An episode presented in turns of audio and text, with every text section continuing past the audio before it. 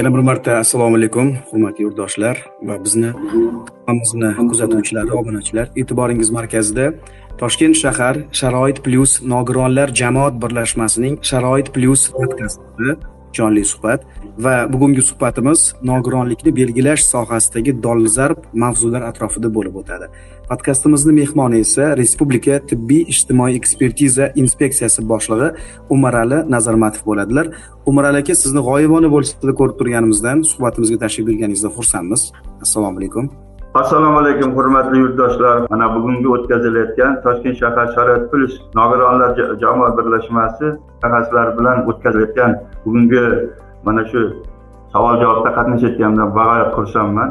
Nimani suhbatni savol javobni uyushtirganlaringiz uchun avvalambor tibbiy ijtimoiy xizmatlarni rivojlantirish agentligi respublika tibbiy ijtimoiy ekspertiza inspeksiyasi tomonidan minnatdorlik bildirmoqchiman.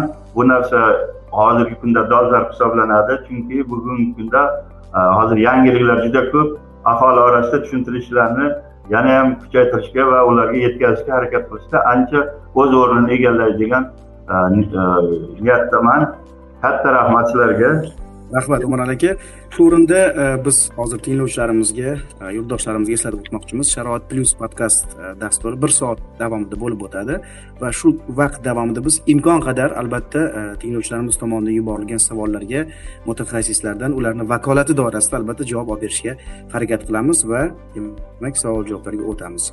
Aholiga ijtimoiy xizmatlar ko'rsatishni sifat jihatidan yangi bosqichga olib chiqish nogironligi bo'lgan shaxslarning jamiyatga ijtimoiy moslashuvi uchun keng imkoniyatlar yaratish nogironligi bo'lgan shaxslarni hamda aholining ijtimoiy himoyaga muhtoj qatlamlarni qo'llab quvvatlash borasida bir qancha qarorlar huquqiy normativ hujjatlar qabul qilinmoqda. Xususan e, prezidentimiz shavkat mirziyoyev tomonidan ham oxirgi yillarda nogironligi bo'lgan shaxslarni qo'llab quvvatlashga katta e'tibor qaratilayotganini biz albatta e, e'tirof etishimiz ta'kidlashimiz joiz. O'tgan yili birlashgan millatlar tashkiloti nogironlar huquqlari to'g'risidagi konvensiyasi o'zbekiston tomonidan ratifikatsiya qilingan edi va respublikamizda nogironlik holatini aniqlash ularni qo'llab quvvatlash uchun eng birinchi choralardan biri ko'rildi. Savolimiz shunday ya'ni oxirgi yillarda nogironlikni belgilash tartibida qanday o'zgarishlar va islohotlar amalga oshirilganligi haqida bizga e, demak ma'lumot bersangiz. Marhamat. Rahmat.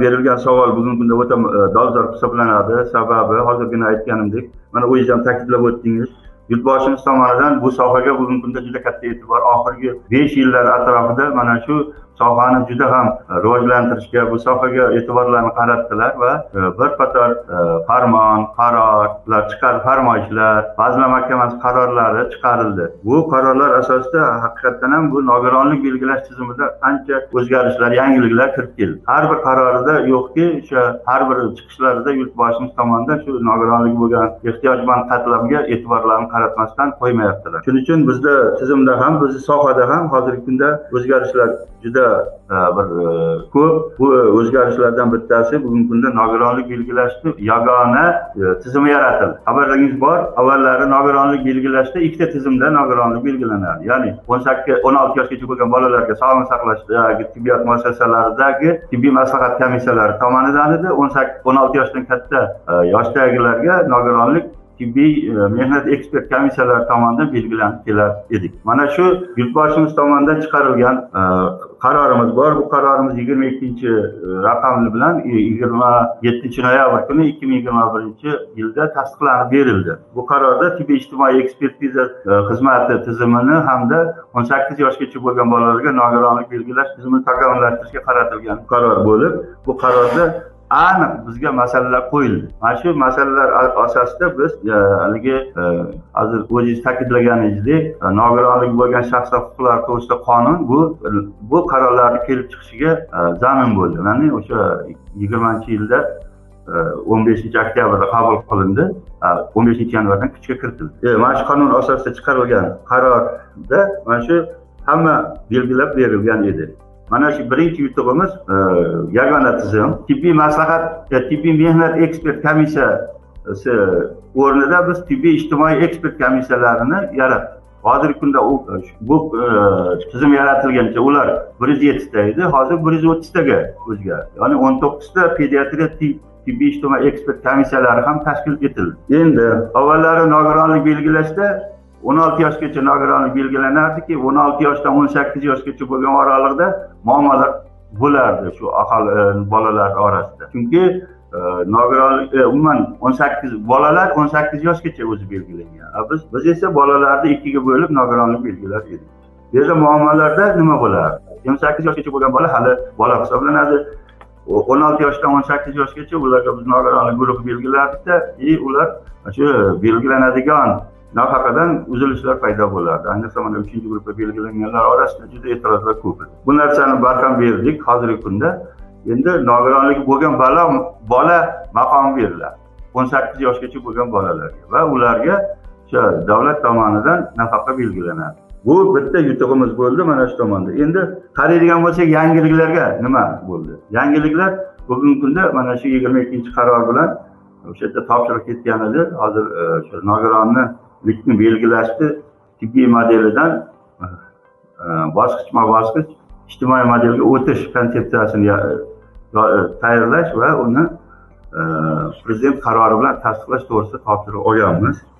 Bu bo'yicha biz yigirma to'qqizinchi aprel kuni o'sha rossiyani rossiya davlatida bizda bilan hamkorlikda mana avvalambor katta rahmat mana unisef e, e, birlashgan millatlar tashkilotini taraqqiyot dasturi e, nima мировой bank jahon. Jahon banki jahon sog'liqni saqlash tashkiloti xodimlari mas'ul xodimlari ishtirokida butun tizim agentlik tizimi xodimlari va vazirlik idoralaridan tuzilgan ishchi guruh xodimlari ishtirokida seminar o'tkazdikki o'sha yozib chiqilgan ya'ni tayyorlangan konsepsiyani muhokama qilib oldik. Qanday qilib? O'zbekiston kelajakda o'sha bosqichma bosqich ijtimoiy modelga o'tish bo'yicha. Endi buni o'zim o'sha yig'ilishda e, taqdimot qilib ko'rsatib berdim. Ularni e, hamjamiyatni e, ulardan takliflarini oldik e'tirozlarini oldik. Hozirgi kun yana qayta ishlashda davom etyapmiz. O'rganib ulardan ko'rib chiqib o'sha chet el tajribasini kiritib o'zgartirishlar qilamiz. Endi bu yerda bu konsepsiyani yaratishda biz o'zimiz emas bu yerga mana nogironligi bo'lgan shaxslarni tashkilotlar bor o'zbekiston nogironlar jamiyati o'zbekiston nogironlar assotsiatsiyasi o'zbekiston ko'zi ojizlar o'zbekiston karlar jamiyati xodimlarini ham biz jalb qildikki biz adashmaylik. Buni birgalikda ishlab o'sha nogironligi bo'lgan shaxslarga xizmat qiladigan bir yaxshi konsepsiya yarataylik deb ularni ham fikrlarini olib bu narsani boshlaganimizga o'zi e, salkam e, olti oydan oshib qoldi. Buni biz o'rganishni boshlab e, tinmasdan hozirgi kunda shu ishlarni amalga oshiramiz. Bunda nimaga erishiladi bu o'zi ijtimoiy model butun davlatlarda hozirgi kunda amalga oshirilyapti. O'sha biz ham xudo xohlasa shu ishlarni qilib konsepsiyalarni yaratib bosqichlar kelishib olganimizdan keyin o'zbekiston ham bosqichma bosqich ijtimoiy modelga o'tib ketadi. Ijtimoiy modelni asos asos qilib bu yerda funksiyani funksional buzilish tasniflash degan hali ruschasiga mkf deyiladi международный klassifikatsiya funksionerии mana shuni biz olib olib shuni ichida shunga moslab bugungi kunda konseptlarni yozyapmiz. Mana shu bilan biz endi sekin asta nogironligi bo'lgan shaxslarni nogironlik belgilashdagi yangiliklardan biri bo'lib hisoblanadi. Endi hozirgi kunda nima qilyapsizlar deb savol beradigan bo'lsangiz biz oldin nogironlik belgilash uchun hujjatlarimiz turli bir beshta hujjatda o'z aksini topgan edi. Hatto bu nogironligi bo'lgan shaxslarni o'qib o'qib o'rganish uchun emas o'rganishda qiyinchilik emas hattoki o'zimizda ishlayotgan xodimlarimiz ham ana shu hujjatlardan topib bu nogironlik belgilashda qiynaladi. U hujjatdan bu joyini o'rgansa boshqa hujjatdan boshqa hujjat. O'sha vazirlar mahkamasini bir yuz yetmish beshinchi vazirlar mahkamasini bir yuz to'qson beshinchi vazirlar mahkamasini bir yuz to'qson uchinchi vazirlar mahkamasini uch yuz yettinchi vazirlar mahkamasi ikki yuz qirq birinchi qarorlarida yoyilib ketgan edi bizni olib hozir bitta qaror qildik. Bu sakkizinchi fevralda tasdiqlandi. Oltmish ikkinchi qaror vazirlar mahkamasi tomonidan belgilab e, tasdiqlab berildi. Tibbiy ijtimoiy ekspertiza xizmati faoliyatini ish yuritishga oid qilib сборник tayyorladikda biz. Kitobcha qilib barcha tibbiy ijtimoiy ekspert komissiyalarini e, raislari va xodimlar ishlayotgan a'zolarni qo'liga e, nima uslubiy qo'llanma sifatida chiqarib berdikki hozir endi qiynalmasdan nogironligi bo'lgan shaxs murojaat qilganda ularni qanday qaysi guruhga mansubligi qanaqa ularga ijtimoiy yordamlar ko'rsatish kerakligi qanaqa holatda ularga muddatni belgilash kerakligi qaysi holatda ularga qaysi e, yo'nalishga tavsiyalar berish kerakligi bu juda bir aniq va lo'nda qilib ko'rsatib qo'yilgan bu qaror bilan. Endi bu qarorda hozir o'sha aholimiz ham o'sha nimaga leksiyaga kirib oltmish ikki qarorni izlab e, qarasa chiqadi bu yerda. Tibbiy ijtimoiy ekspertiza xizmati tashkiliy tuzilmasini va faoliyatini tashkil etishga oid normativ huquqiy hujjatlarni tasdiqlash to'g'risida deb nomlangan e, bir e, kattaroq kitob. Uch yuz varaqdan oshiqroq lekin buni ichida hamma nogironlikka oid masalalar yoritilgan. Mana shu kitobdan foyda mana shu normativ hujjatdan foydalangan hamyurtlarimiz o'zlariga nima savol bo'lsa topib olishlari e, imkoniyati yaratilgan. Umar aka mana shu kitobni e, kechirasiz gapingizni bo'ldim shu kitobni elektron tarzdami qanday qilib e, qo'lga kiritsak bo'ladi? Bu kitobni sizga biz mayli elektron tarzda tashlab beramiz. Lexusdan olsangiz bo'ladi oltmish ikkinchi qaror yigirma ikkinchi yil sakkizinchi fevralda chiqqan.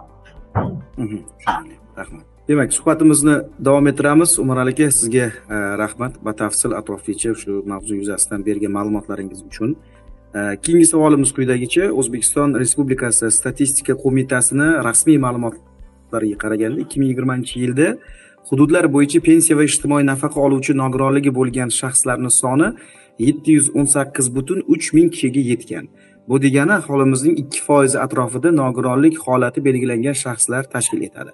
Ammo jahon sog'liqni saqlash tashkiloti ma'lumotlariga ko'ra dunyoning o'n besh foiz aholisi yoki bir milliard kishisi nogironlik holatiga ega. Nega o'zbekistonda bu ko'rsatkich shunchalik past deb hisoblaysiz va respublikamizda hali nogironlik holati belgilanmagan bolalar va kattalar ham bo'lishi mumkinmi? Ya'ni sizga murojaat qilmagan ya'ni sizni tashkilotga murojaat qilmagan va ularga shu nogironligi belgilanmagan holat bo'yicha vaziyatlar bo'lishi mumkinmi? Bu masalani hozir juda bir haligi dolzarb masala deb ko'taramiz. Sababi bugungi kunda nogironlik belgilanganlar bugun o'zbekiston uchun ko'pmi kammi degan savol hammani qiziqtiradi. Chunki e, nafaqat o'zimizni e, hamyurtlarimiz boshqa qo'shni davlatlar ham bu kammi ko'pmi deb. Endi talaqaroqqa qaytadigan bo'lsak biz ikki ming o'n beshinchi yilda latviya davlatiga e, xizmat safariga borib keldikki shu tibbiy ijtimoiy ekspertizani tashkil etish boshqaruvi qanaqa ularda qanday qilib amalga oshirilishini ularda o'rganib ular bilan tajriba almashmoqchi bo'lib o'sha e, rahmat ana birlashgan millatlar tashkilotini taraqqiyot dasturi ko'magi bilan borib keluvdik o'sha joyda o'rganib nima qilganimizdan keyin o'sha yerda bizga o'xshagan respublika tibbiy ijtimoiy ekspertiza inspeksiyasi bor ekan ularga davlat inspeksiyasi deyilar ekan. E, o'shani rahbari bilan gaplashganimizda ularda e, o'zi bir ming sakkiz yuzdan bir o'ndan sakkiz milliondan ortiqroq aholisi bor ekan. Nogironligi bir yuz oltmish besh mingdan ko'proq ekan. Salkam o'n foiz nogironi bor edi. Biz borganda. O'shalar savol berdi. Sizlarda qancha desa biza shuncha desa e sizlarda juda kam ekan. Nimagaligini biz endi bu o'zbekiston sharoiti shu quyoshli davlat keyin o'sha bugungi kunda aholi hali o'zini sog'lig'ini ko'proq jonkuyarligi va olib borilayotgan islohotlarni tushuntirib nima qilib keluvdik? Keyin oradan qancha vaqt o'tmasdan bizga shu xalqaro ekspertlar keldi o'rganishga. Haqiqatdan shunaqa ekanmi deb. Men keyin ularni o'zim olib o'sha tibbiy ijtimoiy eh, ekspert komissiyalariga olib bordim. O'tkazilayotgan ekspertizani ahvoli e, yuritilayotgan hujjatlarimiz olib borilayotgan o'sha o'sha paytda bizda yaxshi elektron bazamiz ham yaratilgan edi. Bazalarimizni ko'rib keyin ular ham e, yana so'rovlar o'tkazishdida e, ha haqiqatdan ham o'tkazilyapti ekspertizada muammo yo'qligini nima qildi va kamligini tushuntirib e, e'tiborga qaratishdi. Endi meni fikrim bugungi kunda mana hozir bu yigirmanchi yilni statistikasini aytyapmiz. Hozir mana bugungi kunda bizlarda e, elektron bazamizda nogironlik bo'lgan shaxslar sakkiz yuzdan sakkiz yuz mingdan oshiq bo'ldi. Chunki biz bu yerda avval o'n olti yoshgachani qo'shmagan bo'lsak hozir o'n olti yoshgachani ham qo'shdik. Hozir o'n sakkiz yoshgacha bo'lgan bolalar shuning ichidan bir yuz o'ttiz sakkiz mingdan oshiqroq. O'sha ikki butun o'ndan uch foizini tashkil qiladi. Bu endi asta sekin stabil ravishda nogironlik belgilash sohasidagi olib borilayotgan nima islohotlar natijasida nogironlik nisbatan lekin foizda bir xil turibdi. Masalan ikki ikki ikki uch bu bir xil turibdi. Bu biz e, o'sha mustaqillikdan bo'lgan buyoqqacha bo'lgan nimalarni e, tahlil qilganimizda lekin son jihatdan oshyapti ko'plar oshyapti deydi bir xillar kamayyapti deydi. Lekin e, son jihatdan shunaqa bu biz foizda belgilanadi o'zingiz bilasiz.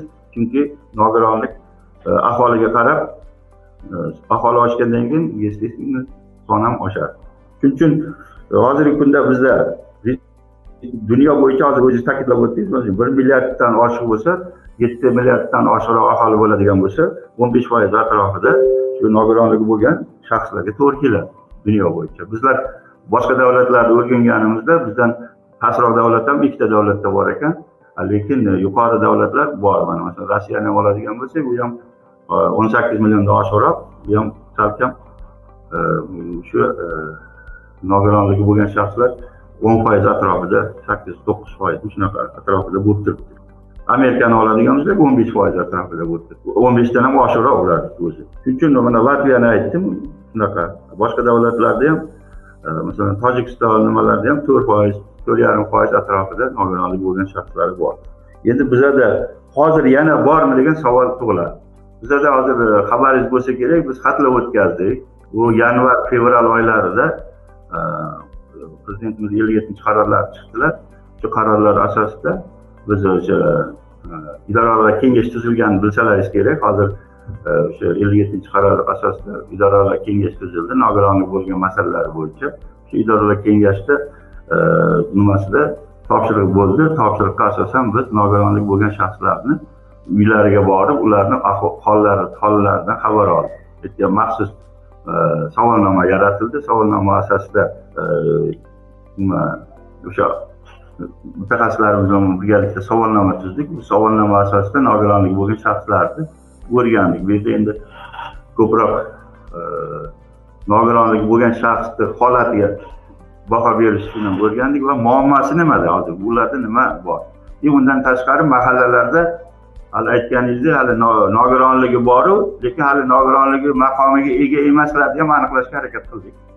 Bu ular o'sha borib mahalla komiteti e, yo bo'lmasam qishloq vrachlik punkti vrachlaridan so'rab shu uyda yotib qolgani bormi? Ha bor palonchi borib aniqlab agar haqiqatdan ham nogironlik belgilari aniq bo'lsa bo'lsa ularda bir yarim minggacha e, atrofida shunaqa nogironlik bo'lgan shaxslar hali belgilanmaganlar aniqladik va ularni zudlik bilan nogironlik belgilash masalalarini hal qildik.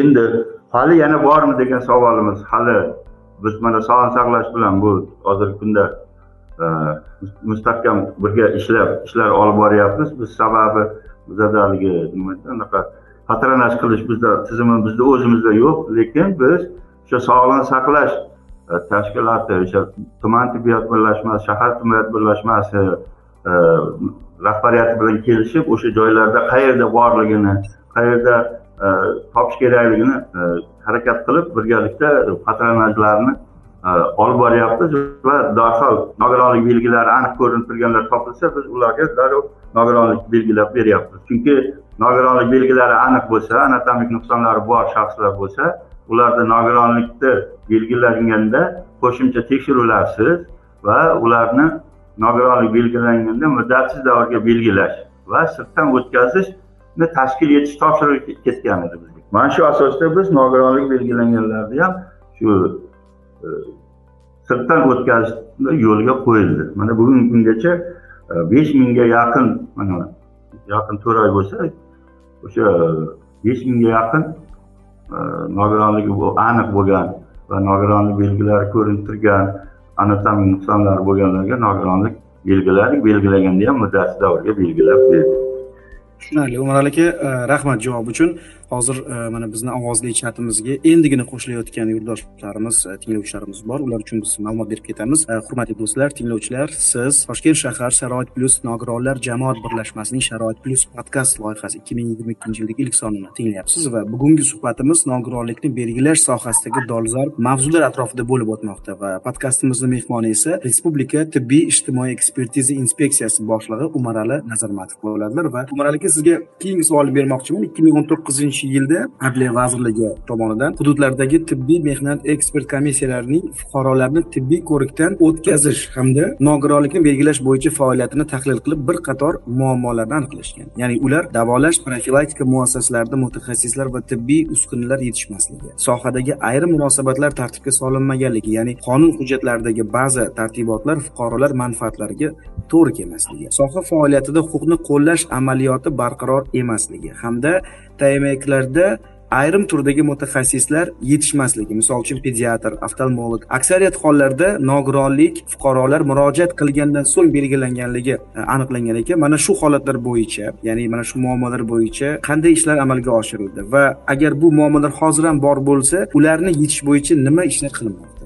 Avvalambor bu savol e, haqiqatdan ham hammani qiziqtiradi. Sababi adliya vazirligi tomonidan rahmat ular to'liq bizda hamma hududdagi tibbiy ijtimoiy ekspert komissiyalarimiz ahvolini o'rganib va o'sha o'rganish davomida ayniqsa fuqarolarimiz orasidan sarson sargardon bo'layotgan holatlariga chek qo'yish masalasini qo'ygan edi bizga masala qilib. Ulardan bittasi shuki nogironlik belgilangan shaxslar e, tibbiy ijtimoiy ekspert komissiyalarga murojaat qilganda ulardan ortiqcha hujjatlar talab qilingan qilinishi bo'lgan edi. Birinchi masalan oladigan bo'lsak deylik ham pasporti nusxasi undan tashqari yashash joyidan ma'lumotnomasi undan tashqari ota onasi bo'lsa ota onasi haqida ma'lumot ish joyi bo'lsa ish joyidan qanaqa kerakdir kerak keraksiz ma'lumotlar so'rash holatlari uchraydi. Keyin biz buni olgan oldikda e, birinchi qilgan ishimiz normativ huquq hujjatlarimizni ko'rib chiqdik. Mana shuni ichida nima uchun bunaqa hujjatlar? To'g'ri ular ichida ikkitasi normativ hujjatimizda bor ekan ya'ni o'sha pasport nusxasi bilan anavi eh, kasallik eh, nima kasallik varaqa beradiyu bulletin deydi. O'shandan ko'p nusxa olish degan kiritilgan ekan. Keyin bu ishlovchilarga deb yozilgan ekan. Biz eh, o'sha yangi qaror loyihasini tayyorlayotganda mana shu hozir sizga yuqorida ta'kidlagan oltmish ikkinchi qarorda bu narsaga bartaraf qildikda. Yo'q endi bizga o'sha pasport nusxasi nimalar kerak emas deb biz uni endi faqat ular bizga ko'rsatadi agar bizga to'g'ri nimada kelib ko'rikdan o'tadi. Bo'lsa nima deylik e, sirtda o'tkaziladiganlarda bizga o'sha haligi pinifel degan narsani hozir hamma yaxshi tushunib qoldi shekilli o'sha o'n to'rtta raqamni biz ko'ramizda o'sha o'n to'rtta raqamni bizda e, elektron bazaga kiritayotganda o'shani bossak u fuqaro haqida ma'lumotlar o'zi kelib chiqadi. Shunda ma'lumotlar shu fuqaro bilan tegishliligini aniqlasak biz bo'ldi. Endi undan pasportini ham so'ramasdan haligi qiladigan bo'ldik. Undan keyin mana kasallik e, kasallik e, varaqasidan ko'chirma so'rash bekor qildik. Keyin e, mehnat daftarchasidan nusxa olishni ham bekor qildik. Hozirgi kunda bu narsalar yo'q bo'ldi. Faqatgina bizga o'sha uni ham taqdim qiladi. Nima? Vrachlar maslahat komissiyasi taqdim qiladi. Buni ichida nol sakson sakkiz shaklidagi yo'llanma bo'ladi. Tibbiy ijtimoiy ekspert komissiyasiga kasallik tarixidan ko'chirma bo'ladi. И ambulatorniy kartasidan ko'chirma bo'ladi. Mana shu endi deylik bularni ichida e, kasb kasalligi mehnat jarohatiga uchraganlarga e, e nogironlik belgilansa o'sha tegishli organdan e, nima enadin deymiz haligi dalolatnoma beradi mehnatga mayl bo'lgani. И kasb kasalligiga uchraganligi to'g'risida institutdan o'zi kasb kasalliklari institutidan maxsus xulosani olingan bo'ladi. Uni ham o'sha vrachlar maslahat komissiyasi taqdim qiladi. Fuqaro bizga hujjatni ovora qilmaslik masalasi bu yerda o'z yechimini topdi. Undan keyin adliya vazirligi tomonidan e, qo'yilgan masala haligi shaffoflik yaratilish masalasi qo'yilgan edi. Shaffoflikni ham yaratish maqsadida biz e, endi kuzatuv kameralar bu ma'lum bir darajada undan tashqari nima komissiyani tarkibini qatnashuvchilar sonini kengaytirdik avvallari faqat o'sha uchta vrach o'tirib olib belgilardi endi hozir biz ruxsat berildi. Hozirgi kunda o'sha e, deylik qaysi hududda o'tkazsak o'sha hududdagi mahalla o'sha vrachlik punktlari doktorlari keyin e, o'sha e, masalan voyen harbiy komissariat mahalla vakillari keyin kasaba uyushma nogironlar jamiyati qatnashib o'sha yerda bizda o'tkazayotgan haligi ekspertiza jarayonini kuzatib o'tirishlari mumkinligi belgilab berildi. Bu ham bir shaffoflikni yechimi masalasi bo'lib mana shu oltmish ikkinchi qarorda o'z aksini topib oldi. Endi demaklarda haligi bizda xabaringiz bor tibbiy ijtimoiy ekspert komissiyalari biz o'zi nogironlik belgilaganimizda nogironlikni har xil guruhlarga belgilanadi. Bir ikki uch. Asosan birinchi guruhlar og'ir guruh hisoblanib o'zgalar yordamiga muhtoj bo'ladi. Ularda masalan harakat cheklanishi mumkin yurishda qiynalishlik umuman olganda mana shu ularga o'sha kirib chiqishlari uchun bizlarda sharoit bo'lishi kerak. Mana shu sharoitlar yo'q. Tibbiy ijtimoiy ekspert komissiyalarimiz aniqlangan bo'lib mana shu o'shalarni ham masalasi bu yerda o'z aksini topdi. Mana yurtboshimiz tomonidan chiqarilgan yigirma ikkinchi qarorda o'sha minimal talablar ishlab chiqilishi topshiriq berilgan edi. Sog'liqni saqlash bilan birgalikda minimal talablarni ishlab chiqib o'sha joylardagi hokimlarga yuborish va hokimliklar tomonidan uch oy muddatda ular joylarini ko'rib chiqib e, to'g'ri keladigan e, va o'sha nogironlar borish uchun qulay bo'lgan. Undan tashqari e, ularga yetarli sharoit shart sharoitlar yaratilgan joylarga joylashtirib qo'yish masalalari ularga qo'yilgan edi. Hozirgi kungacha o'zgarish e, bor. Sababi hozir e, ko'pgina e, viloyatlarimizga hokimliklar tomonidan bino berilyapti o'zlarini balansiga. Mana hozir samarqand ta'mirlash ishlari tugab qoladi. Samarqand viloyati bilan samarqand shahri joylashadi. Farg'onaga o'tgan yili olib berildi. Hozir ta'mirdan chiqarib bu yerda farg'ona viloyati farg'ona shahri joylashdi. Bolalar tibbiy ijtimoiy ekspert komissiyalari joylashdi. Bunaqa ishlarimiz hozirgi kunda avjida boryapti. Biz uni doimo nazoratda ushlab turib olib boryapmiz. Hozir mana qoraqalpog'iston respublikasi o'sha to'rtko'lda tomonga ham bitta bino berishyapti. Hozir o'sha tomonga ham qo'ng'irot tumaniga. Qo'ng'irot tumanida qishloq vrachlik punkti nima alohida o'zlarini tibbiy ijtimoiy ekspert komissiyasini binosi e, paydo bo'ladi. Endi bunaqa misollarimiz juda ko'p. Э, aksariyat bu topshiriq e, masala shunaqa edi. Endi mutaxassislar masalasi. Mutaxassislar masalasi hozir bugungi kunda nafaqat bizni sohada menimcha boshqa sohalarda ham mutaxassislarga talab juda katta. Yetishmovchilik bor. Sababi e, endi hozir e, nogironlik belgilaydigan soha sal bugungi kunda og'ir sohalar hisobiga kiradi. Sababi nogironlikni to'g'ri belgilamasak ertaga asossiz belgilanganga o'tib qoladi nogironlik belgilari shuning uchun ba'zi holatlarda fuqarolar tomonidan juda katta e'tirozlar bo'ladi. Sababi menga birinchi guruh belgilashingiz kerak menga ikkinchi guruh belgilashingiz kerak deb muammolar chiqardi. Mana shu narsalarni yechish uchun e, endi bizga e, yetuk kadrlar kerak. To'g'ri hozirgi kunda muammolarimiz e, kadrlar bo'yicha bor. Ayniqsa haqiqatdan pediatr pediatriya tibbiy ijtimoiy ekspert komissiyalari tashkil qilgan. Ko'p joylarda pediatrlar u yangi soha bo'lgani uchun ular hali ichiga kirib sal og'irligini ko'rib ishga olganlarimiz ham bir xillari bir oy bir oy ishlab e, yo o'n besh kun ishlab yo muammoni ko'tarolmasdan endi bizga to'g'ri kelmas ekan degan gaplar bilan ham bo'shaganlari bor. Lekin shu o'n to'qqizta pediatriya tibbiy ijtimoiy ekspert komissiyalarini hozir pediatr bolalar jarrohi bolalar nevropatologi bilan ta'minlab hozir ishlar amalga oshirilyapti. Endi mana oftalmolog haqiqatdan ham bizni tizimda sohada o'sha har bir bosh tibbiy ekspert komissiyani tarkibida oftalmolog shifokor o'tiradi.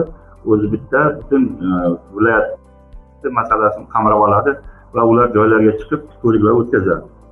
Endi e, davolash muassasasida endi bu tor mutaxassis doiradagi mutaxassislar biz ular bilan kelishganmiz. Ular grafik asosida reja asosida o'tkazilishi deyiladi. O'sha grafik asosida hozir e, mana chiqib qarasangiz ham yoki dispetcherga telefon qilib e, registraturaga so'rasangiz aytadi. Menga endokrinolog kerak desangiz endokrinolog soat birdan ikkigacha uchdan to'rtgacha qabul qiladi deydi. Shu soatga yozib qo'yadi o'sha paytda borib o'tadi. Hozirgi kunda mana shunaqa qilib bu masalani e, o'z e, yechimini topgan. Bu yerda endi hozir ertadan kechgacha bitta sohani e, tor doirada mutaxassis o'tirishi shart emas joylari ham borda. Chunki e, shuning uchun bu narsalar o'z yechimini topdi. Undan keyin huquqni qo'llash amaliyoti. Endi ularda e'tiroz shunaqa bo'lgan ediki haqiqatdan ham mana shu hujjatlarimiz besh oltita hujjatda bo'lganligi uchun u hujjatlarni jamlab o'rganishda muammolar ularni ishlatishda doktorlar tomonidan ham bir e, xatoliklar yo'l qo'ygan holatlarni aniqlab berishdi. O'shanda ular takliflari bu hujjatni yaxlit qilib bitta hujjatga jamlab o'sha e, qisqa lo'nda e, hamma tushunadigan hujjat yaratish topshirig'i berilgandi xudoga shukur mana biz yaratdik oltmish ikkinchi vazirlar mahkamasi qarori chiqib bu masala mana shu e, qo'yilgan masala o'z yechimini topdi. Hozir mana doktorlarimizda kamroq muammo bor. Endi biz baribir bu narsani har oyda seminar qilib o'sha videoselektor orqali zoomga qilib e, muammolarni yechib joylarda e, ishlar qilib yuribmiz. Endi hozir mana bizani botimizga bir savol yo'llanibdi. Assalomu alaykum. Meni ko'z bo'yicha zrenam minus o'n deb yozibdilar. Ikki minginchi yil yilda tug'ilganman. Ikkinchi guruh nogironiman. Ikki yildan keyin umrbod ikkinchi guruh bo'ladi degandi. Lekin haliyam umrbodlikka chiqargani yo'q deb savol yo'llabdilar. Qayerdan ekan mabodo hozir e, biz ular bilan bog'lanamiz. Hozir faqatgina shu savollarni yo'llabdilar. Albatta ular bilan havolani sababi endi e, mana shu mazkur oltmish ikkinchi qarorda biz har bir kasallikni holatini qo'yib chiqqanmiz va bu kasalliklarda qaysi holatlarda nogironlik belgilashda muddatsiz belgilanishi mumkin degan joyini qo'yganmiz. Bu kasalliklar ba'zilari ro'yxatga tushadiganlari bor ba'zilari ro'yxatga tushmaydi. Endi bu kishini ko'zlaridagi muammoni bugungi kunda biz aniqlashimiz uchun minus o'n endi deylik o'sha nogironlik birinchi lamchi qachon belgilangandagi darajasini ko'rishimiz kerak. Agar unda o'n bo'lgan bo'lsa hozir balkim kamaygandir yo ko'paygandir. Kamaygan kamaygan sari bu nogironlik guruhini og'irlashtirishga olib keladida u.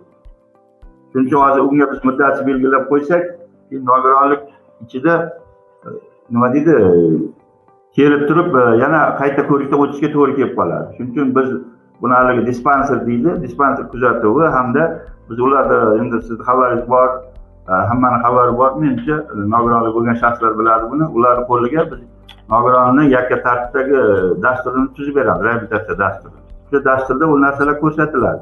Endi bu yerda bizda shunaqa bir nima borki mana masalan e, ko'z kasalliklarini olib qaraydigan bo'lsak muddati belgilanadigan ko'z kasalliklari. Bitta e, aytib bersam agar ruxsat bersangiz mana ko'z kasal shikastlanishi va kasalligida qachon muddati nogironlik belgilanadi? Har ikkala ko'zning to'liq ko'rligi har ikki ko'zning ko'rish o'tkirligini pasayishi va eng yaxshi ko'radigan ko'zda nol butun nol uchgacha korreksiya yoki barqaror tiklab bo'lmaydigan o'zgarishlar natijasida ko'rish maydonining o'n gradusga pasayishi. Unda o'n gradusda uni doktorlar aniqlab beradi nimasi bo'yicha. Yana bitta holat kiritilgan bir ko'zning to'liq ko'rmasligi yoki korreksiyalash mumkin bo'lmagan holda bir ko'zning ko'rish o'tkirligi nol butun nol ikkigacha pasayishi yoki ko'rish maydonining besh gradusgacha torayishi.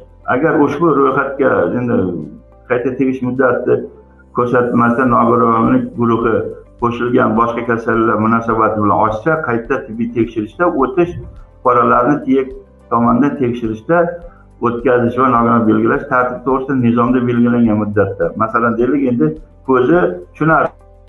Aytdik hozir o'n gradus pasaygan lekin unda qo'shimcha kasalliklar kelib chiqdi. O'sha ko'zdan oqibatda o'sha miyada ensefalopatiya bo'lishi mumkin e, bosh og'riqlar paydo bo'lishi mumkin haligi gipertenziya deydi miyada e, oshishi e, holatlari kuzatilib qolishi mumkin. Shuning uchun u kishinikini hozir e, nima uchun beriladi yo berilmaydi deyishini sal menga muammoroq bo'ladi. O'shaning uchun bu kishi biz bilan bog'lansa ichini bilishimiz kerak. Nima bo'lgan? Agar besh yil davomi e, nimada barcha reabilitatsiya chora tadbirlarini o'tgan bo'lsa kasalligida hech qanaqa o'zgarish bo'lmasdan stabil og'ir holatda turgan bo'lsa ularga muddatli nogironlik belgilab beriladi. Bevosita mavzuni davom ettiramiz qarang. Nechta nogironlik belgilari aniq ko'rinib turgan shaxslarga muddatsiz nogironlik guruhi beriladi? Bugungi to'rt oy bilan gaplashadigan bo'lsak mana hozirgi kunda o'zi nogironlik bilasizlar ikki birlamchi va qayta belgilanadi. Birlamchi endi tushunarli birinchi marta kelganda qaytasi shu nogiron belgiladi bir yil davomida ikki yil davomida qayta keladi. Endi mana o'tkazilyapti biz hozir bir yuz yigirma mingdan bir yuz o'ttiz ming atrofida nogironlik belgilagan bo'lsak birlamchi qayta. Shuni ichidan sirtdan deymiz uni haligi siz aytgan savolga sirtdan ya'ni e, muddatsiz belgilanganlar e, ikki ming besh yuz o'ttiz to'rtta birlamchi va e, ikki ming to'rt yuz ellik uchta qayta. Salkam besh mingta o'n besh ming o'n beshdan yetmish bu nogironligi e, shu qo'shimcha tekshiruvlarsiz hattoki biz bularni sirtdan ko'ryapmiz aka. Bularni e, ko'rmaymiz haligi oldimizga chaqirib bu yoqqa keling ko'raylik demaymiz. Hujjatiga qaraymiz. Bu aniq namoyon ko'rinib turgan kasalliklarga kirib turibdi. И anatomik nuqsonlari bor. Avvallari bu bo'yicha juda shikoyatlar ko'p bo'lgan.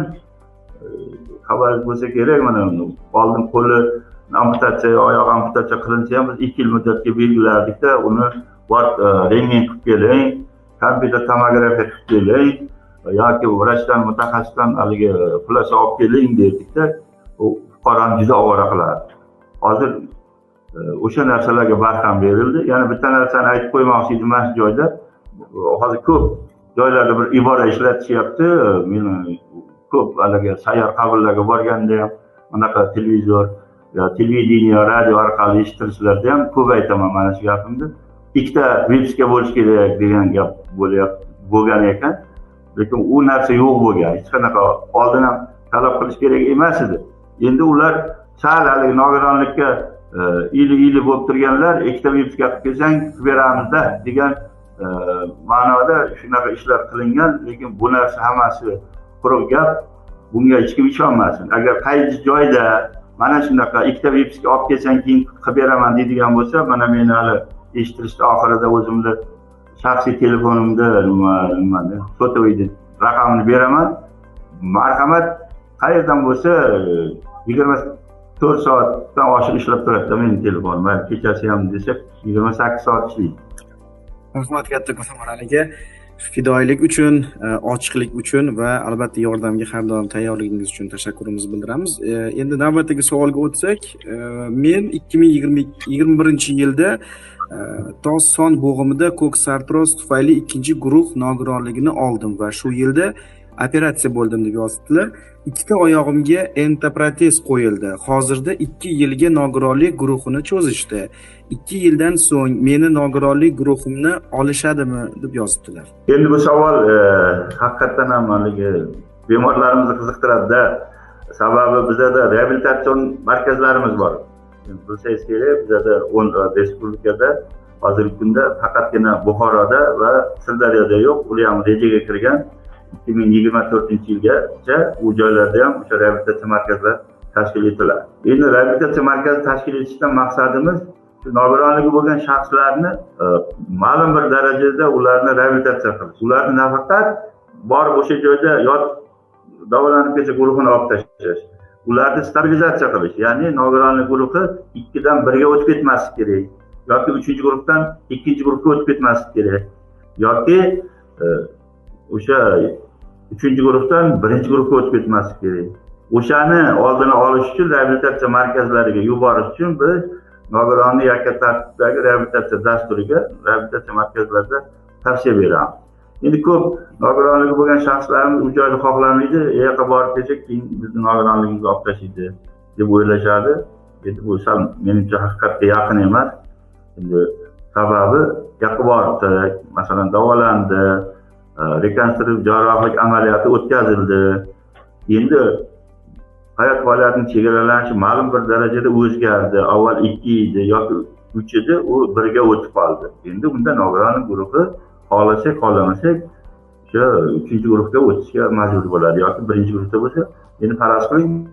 Yurolmaydigan odam yoki e, nima qilolmaydigan odamni borib reabilitatsiya markazida davolasak yaxshi bo'lib qoldida o'zi yurib ketdi hamma harakatlarni o'ziga o'zi xizmat qilishni boshladi ovqat yeyishni boshladi kiyinyapti ishga borib kelyapti. Endi u birinchi gruppada qolmaydida. U asta sekin guruhi o'zgarib u e, integratsiyalashadi. Hamma qatori o'zini haqqiga ega bo'ladi. Endi bu kishini savoldagi holatda da nogironligi belgilangan o'sha bo'g'im deydi katta bo'g'imlarda deformatsiya tufayli yo destruksiya tufayli o'sha bo'g'im ishdan chiqadi. Keyin uni o'rniga haligi bo'g'imlar qo'yiladi endoprotez deyiladi. O'sha endoprotez qo'yilgandan keyin bu o'sha turib e, suyak deyiladi turbasimon bilan o'shanga uni o'qib qoqiladida nimani? Naysimanga o'qib qoqiladi. Endi biz uni deylik сразу muddasi berib yuborsak ma'lum bir darajada yurganda harakatidan bir joyda o'zgarib qolib hali o'q joyidan chiqib ketib qiyshayib ketishi mumkin yoki e, suyakni bir chekkasini sindirishi mumkin. O'sha joyda endi keyingi operatsiyada e, e, qarshi ko'rsatma paydo bo'lib qolishi mumkin endoprotezda. U yurolmay qolishi mumkin guruh og'irlashib qoladi. Nuqtai nazardan bu kuzatuv uchun qilingan bir e, nima endi buni e, bu kishinikini hozir guruhini olib tashlamaydi lekin uni o'sha kuni o'sha kuni guruhdan o'tayotganda ko'ramiz agar stabilniy haligi bo'ladigan bo'lsa nogironlik guruhi undan keyin muddati belgilab beriladi. Qaysi gruppaga to'g'ri keladi masalan hayot faoliyati chegaralanishi ikkida bo'lib turgan bo'lsa ikkinchi guruhga muddati ketadi hayot faoliyati chegaralanishi uch bo'lib qolgan bo'lsa unga birinchi guruh nogironlik muddati ketadi. Agar e, hayot faoliyati chegaralanishi birinchi daraja bo'lib qolgan bo'lsa endi uchinchi guruh nogironligi muddati belgilab beriladi u lekin guruhini olib tashlolmaydi hech kim rahmat javob uchun hozir e, izohlarda bir dolzarb savol berilyapti ko'pchilik tomonidan. Nima uchun birinchi va ikkinchi guruh nogironligi bo'lgan shaxslarga bir yilda ikki marta davolanishga order berishmaydi? Order olishga qiynalyapman bir yilda ikki marta yotishga deb yozibdi. Endi shu savolga ham javob bersangiz. Endi bu order masalasi endi xabaringiz bo'lsa kerak. Bu yurtboshimiz tomonidan ko'tarilgan bir masala edi. Xabaringiz bo'lsa avvallari minzdravni eshigini tagida hamma navbatda turardi. Menga order bering falonchi joyga menga e, viloyatlarda obzdravni eshigini tagida turardi endi biz nima qilindi? Hozir yurtboshimiz elektronlashtirdik u order tizimi endi kimga order kerak bo'ladigan bo'lsa elektron murojaat qiladi. Elektron murojaatni o'sha qaysi markaz deylik o'sha kardiologiya markaziga order kerak bo'lsa kardiologiya markaziga keladi. Ular ko'rib chiqib mumkin bo'lsa ularga order jo'natadi. Jo'natgan order bo'yicha keyin kelib davolanadi va navbatga qo'yiladi. Endi bu sog'liqni saqlashni tizimi ko'proq. Endi bu savol bilan ularga murojaat qilish kerak. Men endi biz beradigan order haqida gapirmoqchiman. Biz reabilitatsiya markazlariga o'sha bepul davolanishlari reabilitatsiya choralari o'tish uchun order beramiz. Bir yilda hozirgi kunda reabilitatsiya markazida e, avvallari yigirma minggacha yaqin nogironligi bo'lgan shaxs o'tardi. Hozir endi qirq minggacha nogironligi bo'lgan shaxslar o'tish imkoniyati yaratildi. Ya'ni yurtboshimiz qarorlari asosida ularning e, quvvati ikki barobarga oshirildi. Ya'ni oldin ellik o'rin bo'lganlar hozir hammasi yuz o'rinli bo'lib ya'ni ikkita viloyatda tashkil etish hozir surxondaryoda tashkil qildik. U surxondaryo viloyatida yo'q edi avval endi olish tartibi qanaqa bu orderlar bir yilda ikki marta deyish noto'g'ri. Chunki u kishiga kerak emas bo'lsa ham davolanish kerak bo'lib qoladi. Bir yilda bir marta deyish ham noto'g'ri. U davolanish kerak bo'lsa ikki marta biz unga ikki marta order beramiz. Nima uchun bir marta berishimiz kerakki? Ikkinchi martasini nima qiladi shuning uchun nogironlik belgilangan payt da bizni tibbiy ijtimoiy ekspert komissiyalari tomonidan qachon reabilitatsiya markazida choralar o'tish kerakligini biz belgilab qo'yamiz va o'sha nogironning yakka tartibdagi dasturiga ko'rsatib o'tamiz. Bugunga reabilitatsiya markaziga deylik e, hozir mayda o'tgan bo'lsa biz avgustga yoki noyabrga yozamiz. Sababi o'sha davrgacha olib bo'lgan davolanish dagi olingan muolajalarni kuchi sal pasayadi va dorilar tarqagan bo'ladi. Unda ma'lum bir o'zgarishlar paydo bo'lishi kerak. Shu olti oylarda yetti oylarda ko'ramiz. Endi ba'zi kasalliklar bor. U reabilitatsiya choralarini unga e, foydasi yo'q. Faqat unga e, ushlab turuvchi terapiya deyiladi.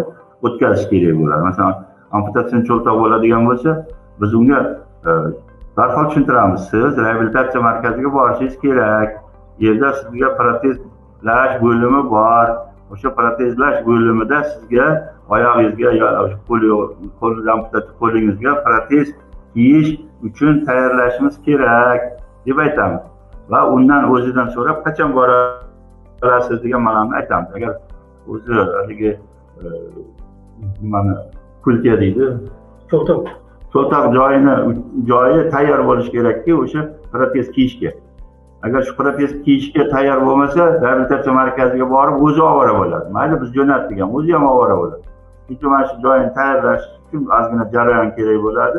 Mana shu jarayonni biz reabilitatsiya markazida protezlash bo'limida tayinlab beramiz shu odamga darhol biz yozib aytamiz agar men e, ertaga yoningga boraman desa biz orderimiz bo'lsa shu kunni o'zida tayyorlab beramiz bo'lmasa e, o'sha reabilitatsiya markazi bilan gaplashib order olib beramiz. Endi mana shu joyda ular keyin e, o'ylanishi mumkin bunga sira darhol berding menga nima bermading endi uni kasali sal boshqacharoq bo'lishi mumkin. Chunki bu narsani individual tartibda hal qilinadi va o'sha e, tibbiy ijtimoiy ekspert komissiyasi tomonidan orderni berish masalasi. Mana e, xarchoraga borgani ham bor. Birov bir oy oldin davolanib keldi bir oydan keyin uyga keldida o'sha protezni joyi deylik o'xshamay qoldi. Yurishga qiynalyapti materatsiya paydo bo'ldi? Yallig'lanish paydo bo'ldi. Endi u qandaydir protezni baribir taqishni davom ettirish uchun yana qaytib kelishga murojaat qiladi. Biz unga order beramiz unda muammo bo'lmaydi. Lekin bu kishilarda agar sizlarda bironta shunaqa order bo'yicha muammo bo'lib menga e, qiynalyapman bermayapti degan narsa bo'ladigan bo'lsa bizga qilib bersalaringiz qilib beramiz. Undan tashqari e, bizada e, sanatoriyalarimiz bor. U o'sha tibbiy ijtimoiy xizmatlarni rivojlantirish agentligi tomonidan qilib beriladi o'sha e, sanatoriyalarga bu o'sha vazirlar mahkamasini olti yuz to'qson uchinchi qarori asosida tartibi belgilangan.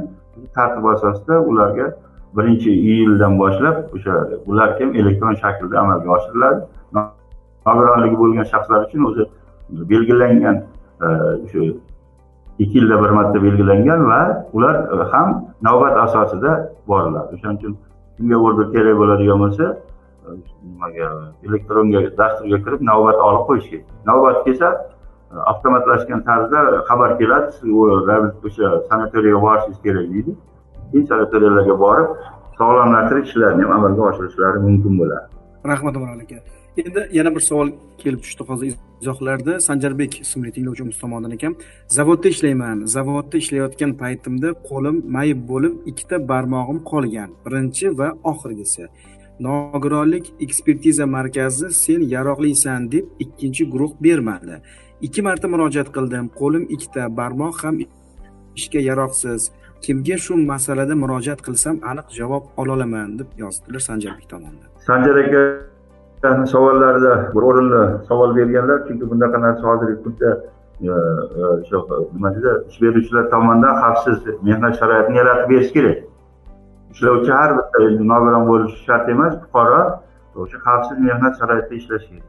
U xavfsiz mehnat sharoitini yaratmasa o'sha stanok deymiz stanokmi yo boshqa oyog'iga bir katta tosh tushib ketishi mumkin yo bo'lmasam e, tepalikdan o'zi tushib ketishi mumkin. U конечно e, o'sha e, nimada? Natijada u mehnat jarohatini oladi. Endi xabar bo'lmasa mehnat jarohatini tartibga soladigan oltmishinchi vazirlar mahkamasini qarori bor. O'sha yerda ko'p narsa aniq va ko'rsatib berilgan. Endi mehnat jarohati olganligi haqida bu kishida birinchi o'rinda e, o'sha mehnat jarohati oldi degan o'sha hali men yuqorida ta'kidlab o'tdim. Dalolatnoma bo'lishi kerak. Uni ish beruvchi uni o'zi tuzadi. Dalolatnoma dalolatnomada yozadi va haqiqatdan ham fuqaro mana shu soatda shu joyda ishlayotganda mehnat jarohati oldi. Deylik o'zini aybi bilanmi? E, ish beruvchini aybi bilan farqi yo'q. Lekin oldi. Olgan registratsiya bo'ladi tashqi tashqisi yoziladi va holati yoziladi. Bu akt birinchi uning uchun hujjat hisoblanadi. Haqiqatdan ham mehnat jarohati olganligi haqida. Endi mehnat jarohati olganligi haqida xulosani olgandan keyin yashash joyida e, kasb kasalliklari shifokori bor. Profotolog deyiladi. O'sha kishiga murojaat qilib mana men shunaqa bo'lib qoldi desa u kishi yoki unaqa mutaxassis bo'lmasa o'sha deylik oilaviy shifokorni ham haqqi bor. Bu kishini ko'rib chiqadi. Haqiqatdan endi bu aniq namoyon ko'zga ko'rinib turibdi shu barmoqlari yo'q. Deylik nima? Endi uni ekspertiza qilish uchun tibbiy ijtimoiy ekspert komissiyasiga yo'llanma qilib yuboradi. Hmm. yo'llanma qilib yuborganda tibbiy ijtimoiy ekspert komissiyasi o'sha hali aytdimki nol sakson sakkiz shaklda o'sha shakl bilan borgandan keyin ekspert komissiyasi buni darhol ko'radi. Ko'rganda ham buni nogironligi уже aniq ko'rinib turibdiku. Endi guruh belgilanmasligi mumkin. Hozir aytgan masalada. Lekin unga foiz belgilab beriladi ma'lum bir darajada. U endi e, salomatligidan mana shuncha foiz darajasini yo'qotib qo'ydi. Sening ishxonangda ishlab mehnat jarohati e, asorati ostida deyiladi. Endi deylik o'ttiz foiz belgilansa unga nogironlik guruhi belgilanmaydi. Agar e, qirqdan oshib ketadigan bo'lsa foizi E, uchinchi guruh e, saksongacha bo'lib qoladigan bo'lsa ikkinchi guruh yuz foizgacha yo'qotadigan bo'lsa foizda unda birinchi guruh belgilanadi. Shuning uchun bu e, sanjar akamiz ham agar mabodo nogironlik belgilash uchun biron joyga murojaat qilgan bo'lsalar lekin ularga rad javob berib qaytargan bo'lsalar men hozir aytdim bo'lmasa shu orada aytib ketay mana hamma yozib olsin. Menga butun o'zbek o'zbekiston telefon qilsa ham nogironlik belgilash bo'yicha javob berishga tayyorman. Meni e, telefon raqamim to'qsonlik. bir yuz yetmish olti yetmish to'qqiz yigirma bir. Ismim umarali nazarmatov shu respublika tibbiy ijtimoiy ekspertiza inspeksiyasini boshlig'i lavozimida ishlayman va shu sohada bo'layotgan muammolarni hal qilishga va shularni oldini olishga va o'sha nogironligi bo'lgan shaxslarimiz haq huquqlarini himoya qilishga tayyorman aka. Tushunarli. Marali aka rahmat sizga yana bir karra ochiqlik uchun shu yordam uchun. Keyingi savolimiz nogironlik guruhlari va ularning imtiyozlari e, mavzusida kechadi. Men bolalikdan oyoq mushaklari tortishi distrofiyasi tashxisi bo'yicha ikkinchi guruh nogironiman nogironligimni umrbod qilishga yurishga qiynalyapman. Birinchi gruppaga o'tkazishni iloji bormi birinchi gruppaga o'tkazishsa qancha guruh guruh puli chiqadi har oyga? Va birinchi guruh imtiyozlari haqida qisqacha tushuntirish bersangiz iltimos deb yozibdilar tinglovchimizdan tinglovchimizga endi bu masala chunki bu haligi oyoq mushaklari tosh distrofiyasi endi bo'ladi dcp deyiladi endi. Shunaqa u yo'q dcp emas ekan bu. Oyoq mushaklar tosh distrofiyasi. Endi bu nogironlik birinchi guruhga agar harakatda ikki tomonda ham yo'q bo'ladigan bo'lsa birinchi guruh nogironligini belgilab beriladi u kishiga. Berilganidan keyin uni imtiyozlari birinchidan nogironlik belgilangandan keyin hozir xabaringiz bor. Birinchi maydan boshlab nogironlik nafaqasi bolalikdan nogironlik nafaqasi olti yuz to'qson sakkiz ming qilib belgilandi. Endi bu kishini yoshlarini bilmayman yoshlari biz birinchi guruh nogironlik belgilasak unga biz o'zgalar yordamga muhtojligi to'g'risida e, xulosa beramiz. Bu xulosa asosida endi birinchi guruh nogironligi bo'lganligi uchun uni qarovchisini hisob olib o'sha nogironligi bo'lgan shaxsga kompensatsiya to'lagiziladi yetmish besh foizgacha minimal oylik hisobidan bunaqa to'lovi bor. E, bu birinchidan mana shunchaga oshishga olib keladi. Ikkinchi e, masalasi bu kishilar birinchi guruh nogironligi bo'lgandan keyin endi reabilitatsiya texnik vositasiga e, va protez ortopediya mahsulotlarini olishga bepul olishga unda imkoniyat yaratiladi.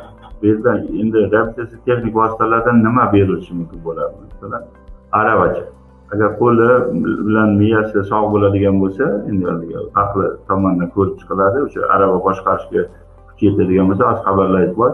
Prezidentimiz tomonidan o'sha maxsus o'sha elektropultli ya'ni o'zi yuradigan arava bilan ta'minlash masalasi ham qo'yilgan. Shuning uchun bu masalada hozirgi kunda biz E, yilma yil bosqichma bosqich e, asta sekinlik bilan qimmatroq turadi shuning uchun biz uni bosqichma bosqich elektr harakat qiladigan arava bilan ta'minlash masalasini ko'rib chiqadi. Va unga bu ikkinchi imtiyozi. Uchinchi imtiyozi bu kishi reabilitatsiya markazlarida yotib qolsa davolanish uchun. Unga qarovchisiga ham joy qilib beramiz. Shu qarovchisi nogironlik bo'lgan shaxsga agar o'zgalar yordamiga muhtoj bo'lsa buni qilishi mumkin bo'ladi va reabilitatsiya markazlarida reabilitatsiya choralarini olish uchun muammo yo'qmi?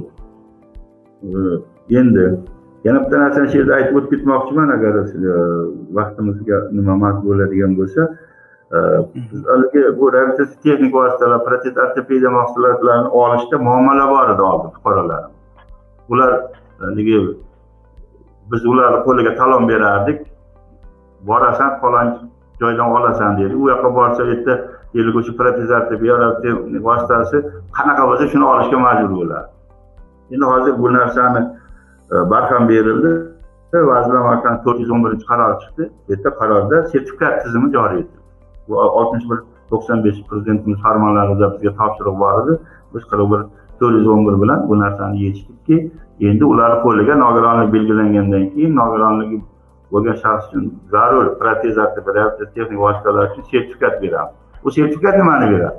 U sertifikatni ichida puli bor. U xohlagan zavoddan yo xohlagan magazinda o'ziga tegishli o'ziga yoqqan texnik vositasini o'sha bizda ma'lum bir summa qo'yiladi. O'sha summasini bizdan yechib oladi qolganini o'zi to'laydi. Agar qimmatroq bo'lsa atak e, qimmat bo'lmasa o'sha orada bo'ladigan bo'lsa yuz foiz tekin olib ketishi imkoniyati yaratildi. Endi imtiyozlar qolgan imtiyozlar e, e, nimadan soliq imtiyozlari bor. Kommunallarda bor. Endi ularni o'zlariga murojaat qiladi chunki ularni o'zlari tomonidan yaratilgan imtiyozlar berilgan tashkilotlar tomonidan beriladi. Bizda imtiyozlar reabilitatsiya texnik vositalar protez ortopediya sanator sog'lomlashtirish reabilitatsiya e, reabilitatsiya markazlarida sog'lomlashtirish ishlari biz tomonidan amalga oshirilishi o'sha imtiyoz ular uchun qiladi endi yakka yolg'iz yolg'iz degan e, toifadagilarimiz bor. U tomondan e, shu tibbiy ijtimoiy xizmatlarni rivojlantirish agentligi tomonidan xizmat ko'rsatiladi. Yolg'izlarga yakka yolg'izlarga o'sha haligi o'n to'qqiz turdagi produktlar va ularni qarovchilari bilan ta'minlab beriladi. Yakka yolg'iz. Yolg'iz yashovchi bo'lsa yakka yolg'iz emas yolg'iz yashovchi. Endi qolgan masalalar bo'yicha javob berishga tayyorman. Sababi bu masalalar bugungi kunda dolzarb gapiraman desam juda gap ko'p vaqt ketib qoladida umar aka demak e, soatimiz millar toshkent vaqti bilan o'n besh ellik sakkiz. E, e, agar xo'p desangiz oxirgi savol bilan murojaat qilsak keyin siz bilan suhbatimiz menimcha bir soat bo'ldi. Agar yo vaqt ajrataman yana desangiz qo'shimcha vaqt davomida savollarga javob berishingiz mumkin. Nima qilamiz? Endi hozir yana rejalashtirgan joyimiz bor edi to'rda uchrashuvim borda agar men bilmabman agar cho'ziladi deganingiz qilardim hali besh o'n besh o'n minutgacha mumkin bo'ldi. Mana oxirgi savolni beramiz bo'lmasa. Bir daqiqa vaqt davomida javob berishingiz mumkin. Uchinchi guruh nogironligi bo'lgan shaxslarga ham nogironlik nafaqasini tayinlash tartibini hukumatga taklif qilish mumkinmi? Uchinchi guruh nogironligi bo'lgan shaxslarga qanday imtiyozlar saqlanib qolgan? Bu savol hozir juda hammani qiziqtiradi. Chunki bu savolni biz juda ko'p ko'taryapmiz. Birgalikda butun davlatimiz ham hozir davlatimiz e'tiborida turibdi. Bu masala birinchi ikkinchi guruhga to'lanadi. Birinchi yanvardan ikki ming o'n birinchi yildan uchinchi guruhga to'lanmay qolgan. Endi biz hozirgi kunda hisob kitoblarni qilib chiqdik. Hozirgi kunda o'ttiz ming o'ttiz to'rt ming atrofida nogironligi bo'lgan uchinchi guruhlar nafaqa bilan o'sha pensiya bilan tayinlangan nafaqa bilan. Qolganlari tayinlanmay qolgan. Buyog'i ham bir o'ttiz ming atrofida bor. Endi biz buni masalalarni hozir ko'taryapmiz. Hozir hisob kitoblarni amalga oshirib hozir mana yuqorida ta'kidladimku ijtimoiy model yerda ijtimoiy adolat prinsipi bor. O'sha prinsip asosida biz nogironlik belgilash foizlarga o'tadigan bo'lsak mana shu nogironlik shu foizlarda belgilanadigan bo'ladigan bo'lsa nafaqa bilan ta'minlanishi ehtimoli yuqori bo'ladi va bu narsa amalga oshishi e, ko'proq sharoit yaratiladi mana shu model bilan. Imtiyozlar hozir mana birinchi guruhga aytib bergan imtiyozlarim bularga ham bor. Hammasi reabilitatsiya texnik vositalari bilan protez ortoped reabilitatsiya markazlari eshitish apparatlari e, bilan ta'minlashda muammo yo'q ularga. Bepul amalga oshiriladi mana shu imtiyozlardan foydalanadi. Hurmatli tinglovchilar siz toshkent shahar sharoit plyus nogironlar jamoat birlashmasining telegram messenjeridagi kanalida sharoit plyus podkastda jonli chat suhbatida bo'lib o'tgan mana shu intervyuni onlayn suhbatni tingladingiz. Bugungi suhbatimiz nogironlikni belgilash sohasidagi eng dolzarb masalalar yuzasidan bo'lib o'tdi va podkastimizni mehmoni respublika tibbiy ijtimoiy ekspertiza inspeksiyasi boshlig'i e, umarali nazarmatov bo'ldilar. Umarali aka e, qimmatli vaqtingizni ayamasdan ajratib mana hattoki hozir jonli efirda o'z shaxsiy mobil raqamingizni ham o'sha tinglovchilarimizga nogironligi bo'lgan shaxslarga berib ularni har tomonlama qo'llab quvvatlashga vakolat doirasida yordam berishga tayyor ekanligingiz bizni quvontirdi. Va umid qilamizki kelajakda albatta siz faoliyat yuritayotgan tashkilot bilan bir e, unumli ishlarni birgalikda amalga oshirish bir yaxshi loyihalarga hamkorlikda qo'l urishga biz niyat qildik. E, bugungi efir uchun suhbat uchun sizga kattakon rahmat.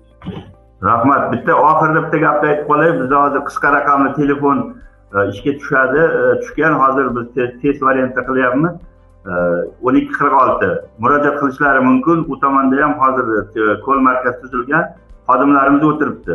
Rahmat.